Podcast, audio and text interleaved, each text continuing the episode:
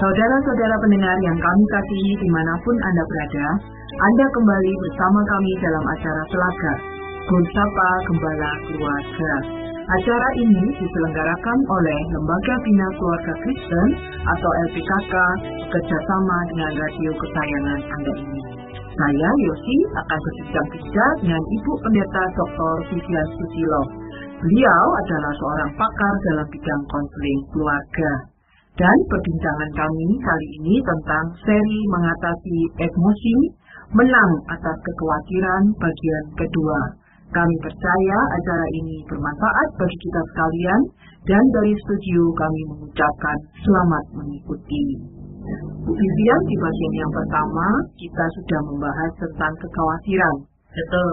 Nah, mungkin bisa dirangkum sedikit Bu sebelum kita masuk tentang uh, bagaimana mengatasinya. Nah, kita bagian pertama secara garis besar kita sudah membahas khawatir itu ternyata bisa merupakan suatu kebiasaan. Jadi orang itu apa-apa dipikir khawatir, Khawatir. apa pikir khawatir, dipikirkan terlalu panjang. Memang kita harus pikir tapi terlalu panjang khawatir. Seperti pernah ada satu klien satu saya ngomong tadi Ya. yang tadi tentang mau pergi dengan keluarga berenang sudah khawatirnya itu satu jam Mau berangkat itu ngomong sama mama nanti ini tenggelam gimana? Ya. Mama jaga di situ. Oh nanti masuk angin gimana? Nanti apa jadi? Terlalu banyak yang dipikirkan. Terlalu banyak dipikir sampai akhirnya mau berangkat itu satu jam. Kenapa? ya, ya. Jadi satu kebiasaan yang tidak baik dan suatu kebiasaan yang membuat kita ini seperti orang tercekik. Jadi fungsi kehidupan kita ini akhirnya terhambat Ya. karena kalahnya khawatir untuk hanya lebih waktu. Kalau terus menerus bahkan oleh Tuhan Yesus mengatakan terus menerus itu orang yang nggak beriman. Hmm. Kalau nggak beriman berarti kita tidak percaya Tuhan melindungi kita. Ya karena begitu buruk ya dampak khawatir, maka kita perlu menang atas kekhawatiran sebagai orang beriman ya Bu. Eh, silakan Bu, apa yang bisa kita lakukan untuk menghadapi dan memenangkan kekhawatiran? Nah, untuk menang atas kekhawatiran, kita ini ada beberapa hal. Ya, ada tiga kunci kemenangan. Kita mempunyai hati yang benar di hadapan Tuhan. Seperti Yohanes pasal 14 ayat 1 mengatakan, Janganlah gelisah hatimu, percayalah kepada Allah, percaya juga kepada Tuhan. Ini dengan kata lain kita mempunyai percaya sama Tuhan tadi dikatakan kurang percaya Ya. kita percaya tidak gelisah percaya pada Allah percaya juga kepada Yesus. Nah kita Allah ini kita mempunyai Allah yang maha kuasa. Allah kita bukan hanya maha kuasa maha kasih. Ya. Ya, Tuhan Tuhan maha kasih. Berarti Tuhan menghendaki yang terbaik untuk kita. Dan Tuhan bisa berbuat apa pun juga. Dan Tuhan kita ini nggak berubah-ubah. Jadi maha baik dikatakan Yesus sebelum ke surga dia mengirim Roh Kudus untuk menyertai kita. Jadi kita ini mempunyai Allah satu untuk kepercayaan kita ini harus mempunyai percaya Tuhan, percaya kepada Allah, percaya juga kepada Yesus. Kita harus lihat untuk supaya tidak khawatir ini pertama kita harus berdoa. Berdoa kepada Tuhan, berdoa dengan yang benar. Seperti apa Bu berdoa dengan benar? Karena berarti kalau gitu ada yang berdoa dengan salah.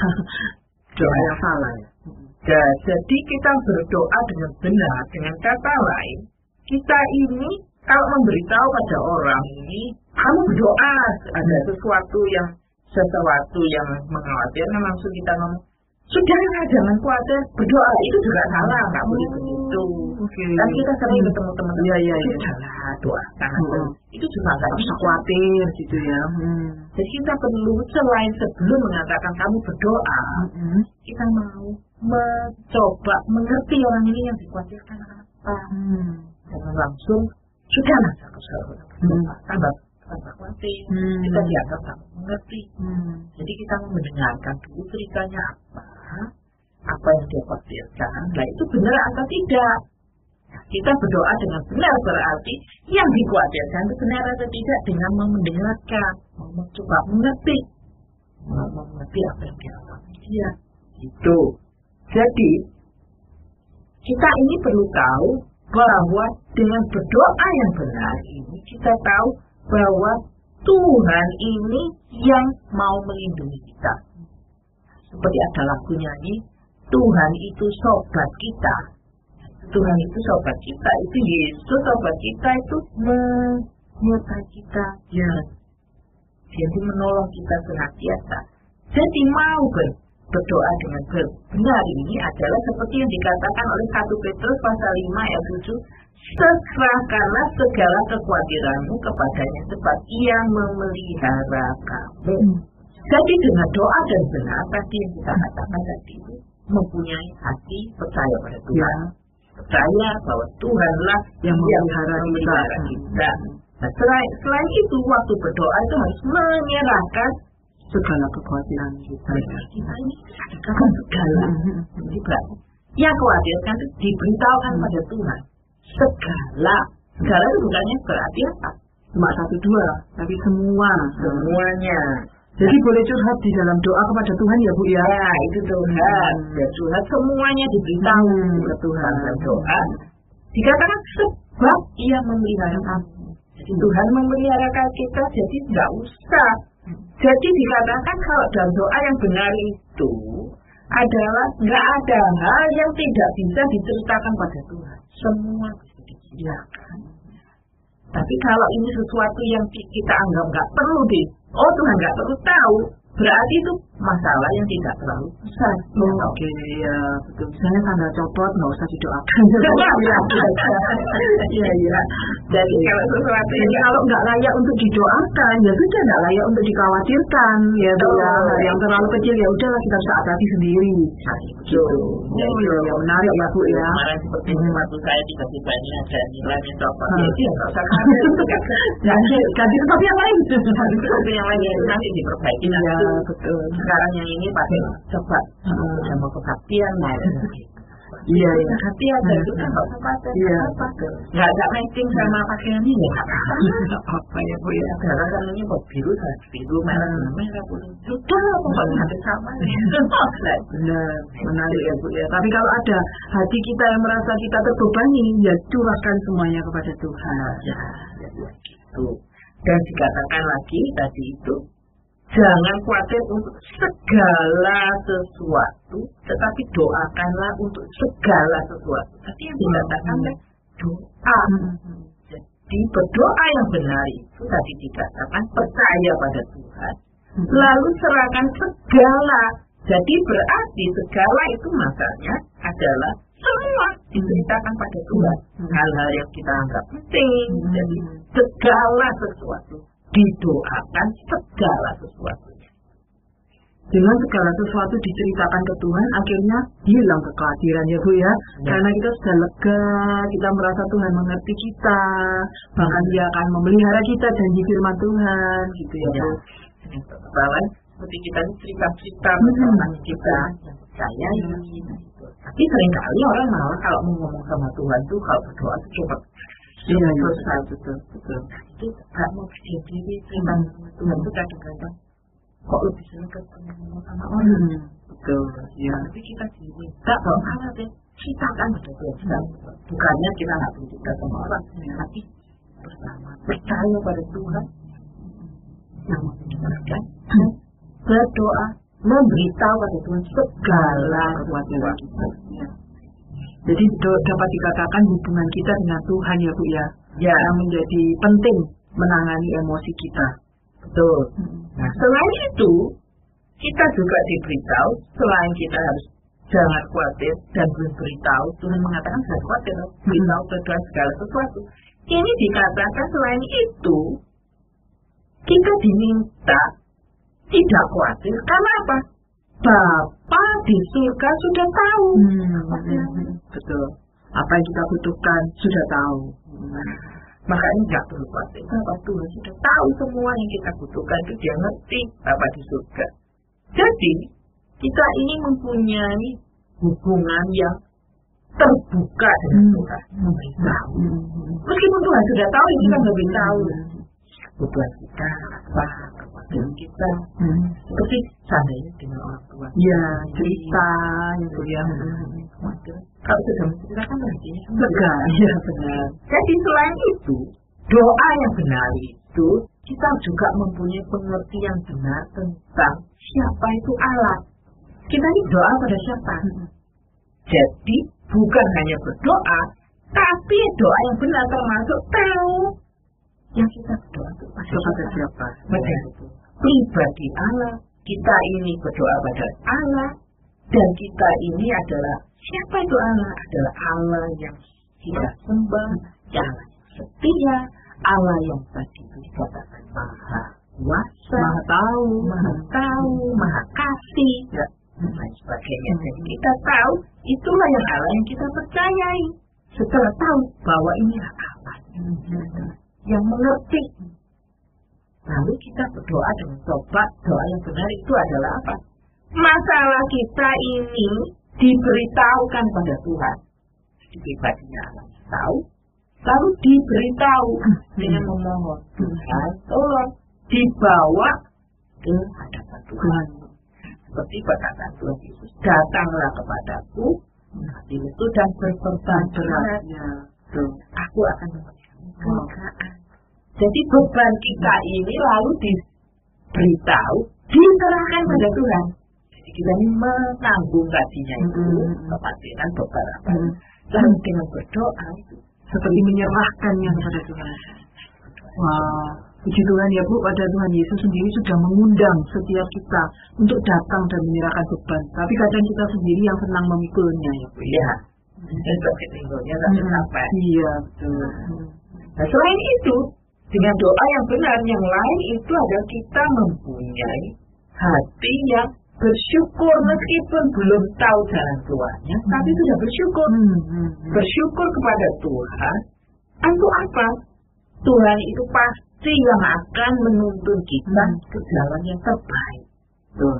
Tapi ya itu bu yang sulit. Kebanyakan orang melihat keadaan, makanya khawatir dan tidak bisa melihat tangan Tuhan yang akan menolong. Bu. Hmm. Apa bu yang membuat kita bisa tetap uh, bersyukur dan melihat Tuhan itu baik di tengah keadaan sulit? itu kita bisa melihat itu salah satu dari pengalaman. Hmm. Coba lihat itu adalah pengalaman kehidupan. Hmm. Seperti Tuhan Yesus kalau mengajarkan kepada umat Israel, hmm. mereka dilihat. Coba bagaimana saya dengan setia membantu kamu umat-umat ini hmm. sampai keluar dari Israel dari Mesir, eh, dari Mesir ke Israel. Hmm. Setelah itu dengan tangan Tuhan penuh kuasa Tuhan ini setia dia akan membantu sampai mereka keluar selamat semua nggak ada satupun yang binasa hmm. waktu melewati lautnya ya. Nah, juga dalam kehidupan kita hmm. mungkin masing-masing bisa melihat Tuhan memelihara kita sampai hari hmm. ini hmm. tentu itu ada kemurahan Tuhan ya. tidak ditinggal hmm. butuh kebutuhan kita hmm. yang paling sedikit pun oleh Tuhan.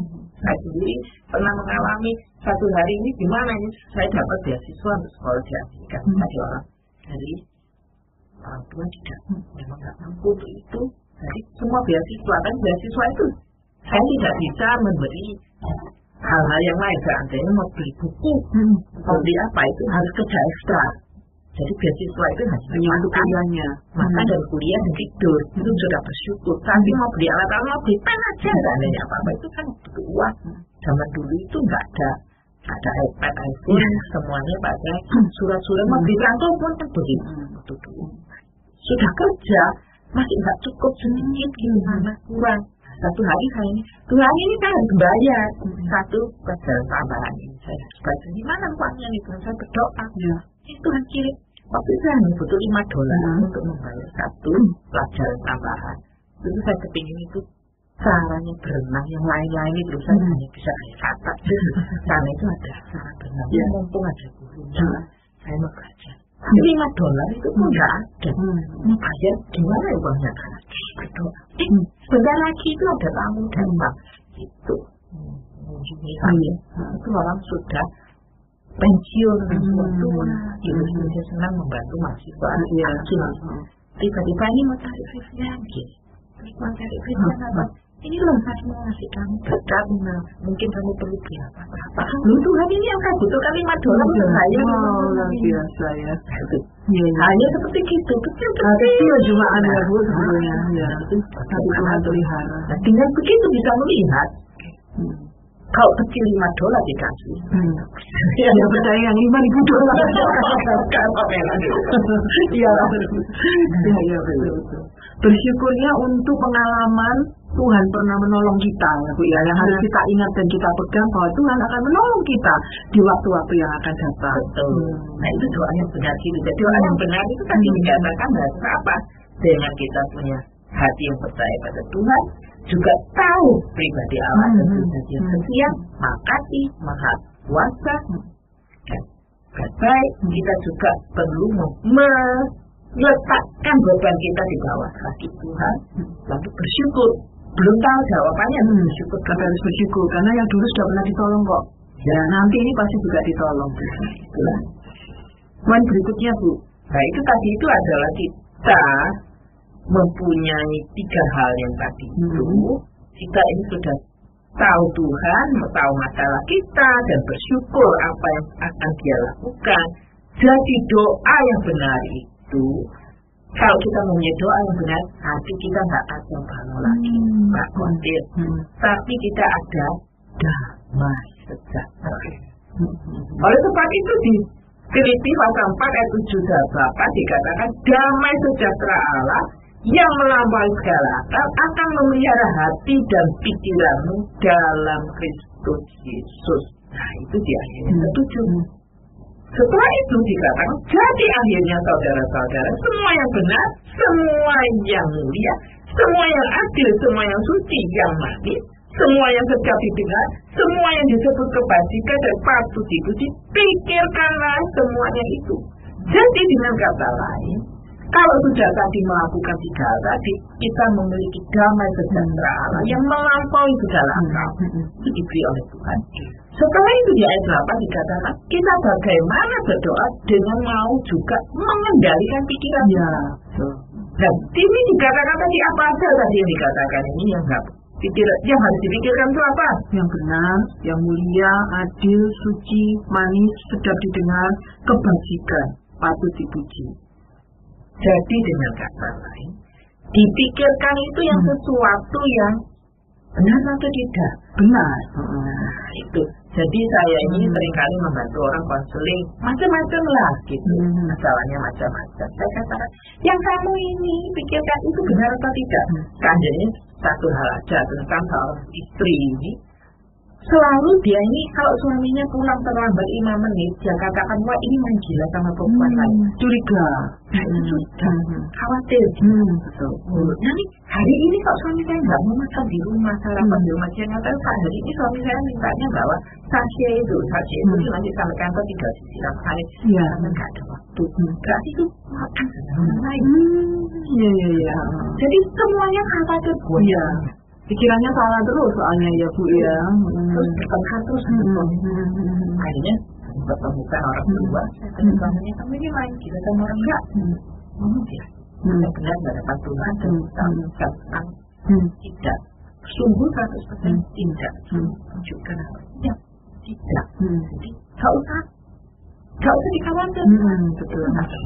jadi benar atau tidak Hmm. memang ada orang yang gila Hmm. tapi kalau sama itu kita percaya Hmm. nah itu jadi kan sesuatu yang nggak benar nggak usah Dipikirkan. mulia atau tidak Hmm. Hmm. adil atau tidak suci atau tidak manis sedap didengar atau tidak kalau Hmm. enggak ya nggak usah dipikirkan nggak usah khawatir jadi pikiran kita ini waktu ini supaya bisa damai dan Hmm. tidak mikir-mikirkan yang tidak-tidak harus mempunyai pikiran yang Hmm. tadi itu Yang benar. Jadi poin kedua setelah poin pertama berdoa dengan benar, poin kedua untuk mengatasi kekhawatiran adalah pikirlah dengan benar. Ya, Bu. Betul. Hmm. pikiran kita jadi bukan hanya berdoa itu hanya kita bisa hati kita ini mau kepada Tuhan tapi pikiran kita ini harus diubah juga Betul. jadi harus di dan Tuhan inilah yang juga damai bukan hanya di hati tapi memberi damai dalam pikiran Ya, yang memerintah pikiran tadi ya Bu ya. Nah, ya pikiran ini, siapa yang bisa mengendalikan pikiran? Kita sendiri. Hmm. Orang bisa pikiran ini bisa lari ke mana-mana. Nah itulah. Dan sering kali kalau orang pikirannya sudah tidak damai, wah, semuanya nggak damai. Dari mana datangnya damai? Daripada Tuhan. Yesaya 26 ayat 3 mengatakan, Tuhan engkau memberi damai dan sejahtera kepada orang yang teguh hatinya. Sebab dia percaya kepadamu. Nah, jadi kita bisa mempunyai damai kalau mempercaya kepada Tuhan. Ya. Jadi sering kali kita ini kalau mempunyai pikiran yang benar itu ada hal yang lain adalah sering kali karena kita khawatir pada hal-hal yang hanya menurut pandangan kita saja. Tapi bukan kenyataan Ya. dalam bayangan-bayangan. Bukan seperti benar. Ya, jadi tapi dikatakan maka dengan doa kita ini yang benar. Jadi kita ini mau tahu sesuatu yang apa. Jadi pikiran kita ini yang pertamanya harus diperbaiki. Hmm. Lalu tindakan kita benar, kebiasaannya kita benar, karakter benar, tujuannya benar. Ya. Oke. Nah, sekarang kita mau melihat hal yang lain supaya kita ini menangani ini selain tadi dikatakan ini harus benar pikirannya, hati kita benar, kita juga harus hidup yang benar. Hmm. Jadi tidak cukup berdoa benar, tidak cukup berpikir benar, tapi hidup yang benar. Maksudnya hidup yang benar seperti apa Bu? Jadi hidup benar itu adalah kita ini mau kalau sudah doa dan pikiran benar hidup kita benar ini berarti kita ini yang mau kita ini di dalam kebenaran itu mau. Hidup itu ya kita mengendalikan ya yang jalannya yang selain jalannya yang benar. Hmm. jadi dikatakan apa yang telah kamu pelajari Filipi 49 dan apa yang telah kamu terima, apa yang telah kamu dengar, apa yang telah kamu lihat padaku, lakukanlah itu dengan demikian Allah sumber damai sejahtera Hmm. akan menyertai kamu. Jadi dengan kata hidup itu melakukan apa yang dipelajari, apa yang sudah diterima, apa yang sudah didengar, yang dilihat daripada Rasul Paulus, Hmm. kita melakukan. Hmm. Hidup melakukan firman Tuhan. Nah, Maka hidup, pasti Tuhan akan memberi damai sejahtera ini janji Tuhan ya. Bu. hidup dengan mempraktekkan Heeh. yang diajarkan Tuhan Hmm. itu. Hmm. Lakukan kehendak Tuhan, Hmm. itulah hidup yang benar. Jadi kalau kita mempunyai setiap kali dulu selalu mikir-mikir ini khawatir-khawatir sekarang harus diubah. Hmm. Jadi kita sekarang mau mengubah karena mengetahui khawatir melumpuhkan kita sekarang kita mau positif Hmm. nggak mau negatif terus Hmm. itulah cara yang terbaik kita mau mengubah dengan tindakan yang positif bukan yang negatif Dan kalau tindakan diubah, tadi dikatakan kekhawatiran adalah kebiasaan, maka kebiasaan pun diubah. Gitu ya, ya. nah ya itu Hmm. jadi kita kalau sudah tahu caranya misalnya Hmm. biasa-biasa Hmm. jadi kita sendiri mau Hmm. berubah Hmm. Jadi dengan doa benar, pikir benar, hidup benar, maka Allah sumber damai sejahtera akan menyertaimu. Jadi dengan kata lain, kita harus belajar perlu khawatir lagi. Tinggal tenang di dalam Tuhan, percaya Tuhan yang kita yang kuat itu menyertai. Tidak ada tempat lagi untuk khawatir. Kita sendiri kendalikan pikiran kita. Ya, menyertai, menyerahkan pada Tuhan. Jadi ada orang yang mengatakan permulaan dari khawatir adalah akhir dari iman. Tapi permulaan dari iman yang benar adalah akhir dari khawatir. Ya. Ja- Jadi khawatir ada hubungannya dengan iman. Jadi dengan kata lain, khawatir itu kebalikannya iman. Kalau kita khawatir berarti kurang iman ya Bu ya. Percaya. Ya, kurang percaya kepada Tuhan. Tetapi semakin kita percaya kepada Tuhan, maka kekhawatiran kita juga pasti akan berkurang.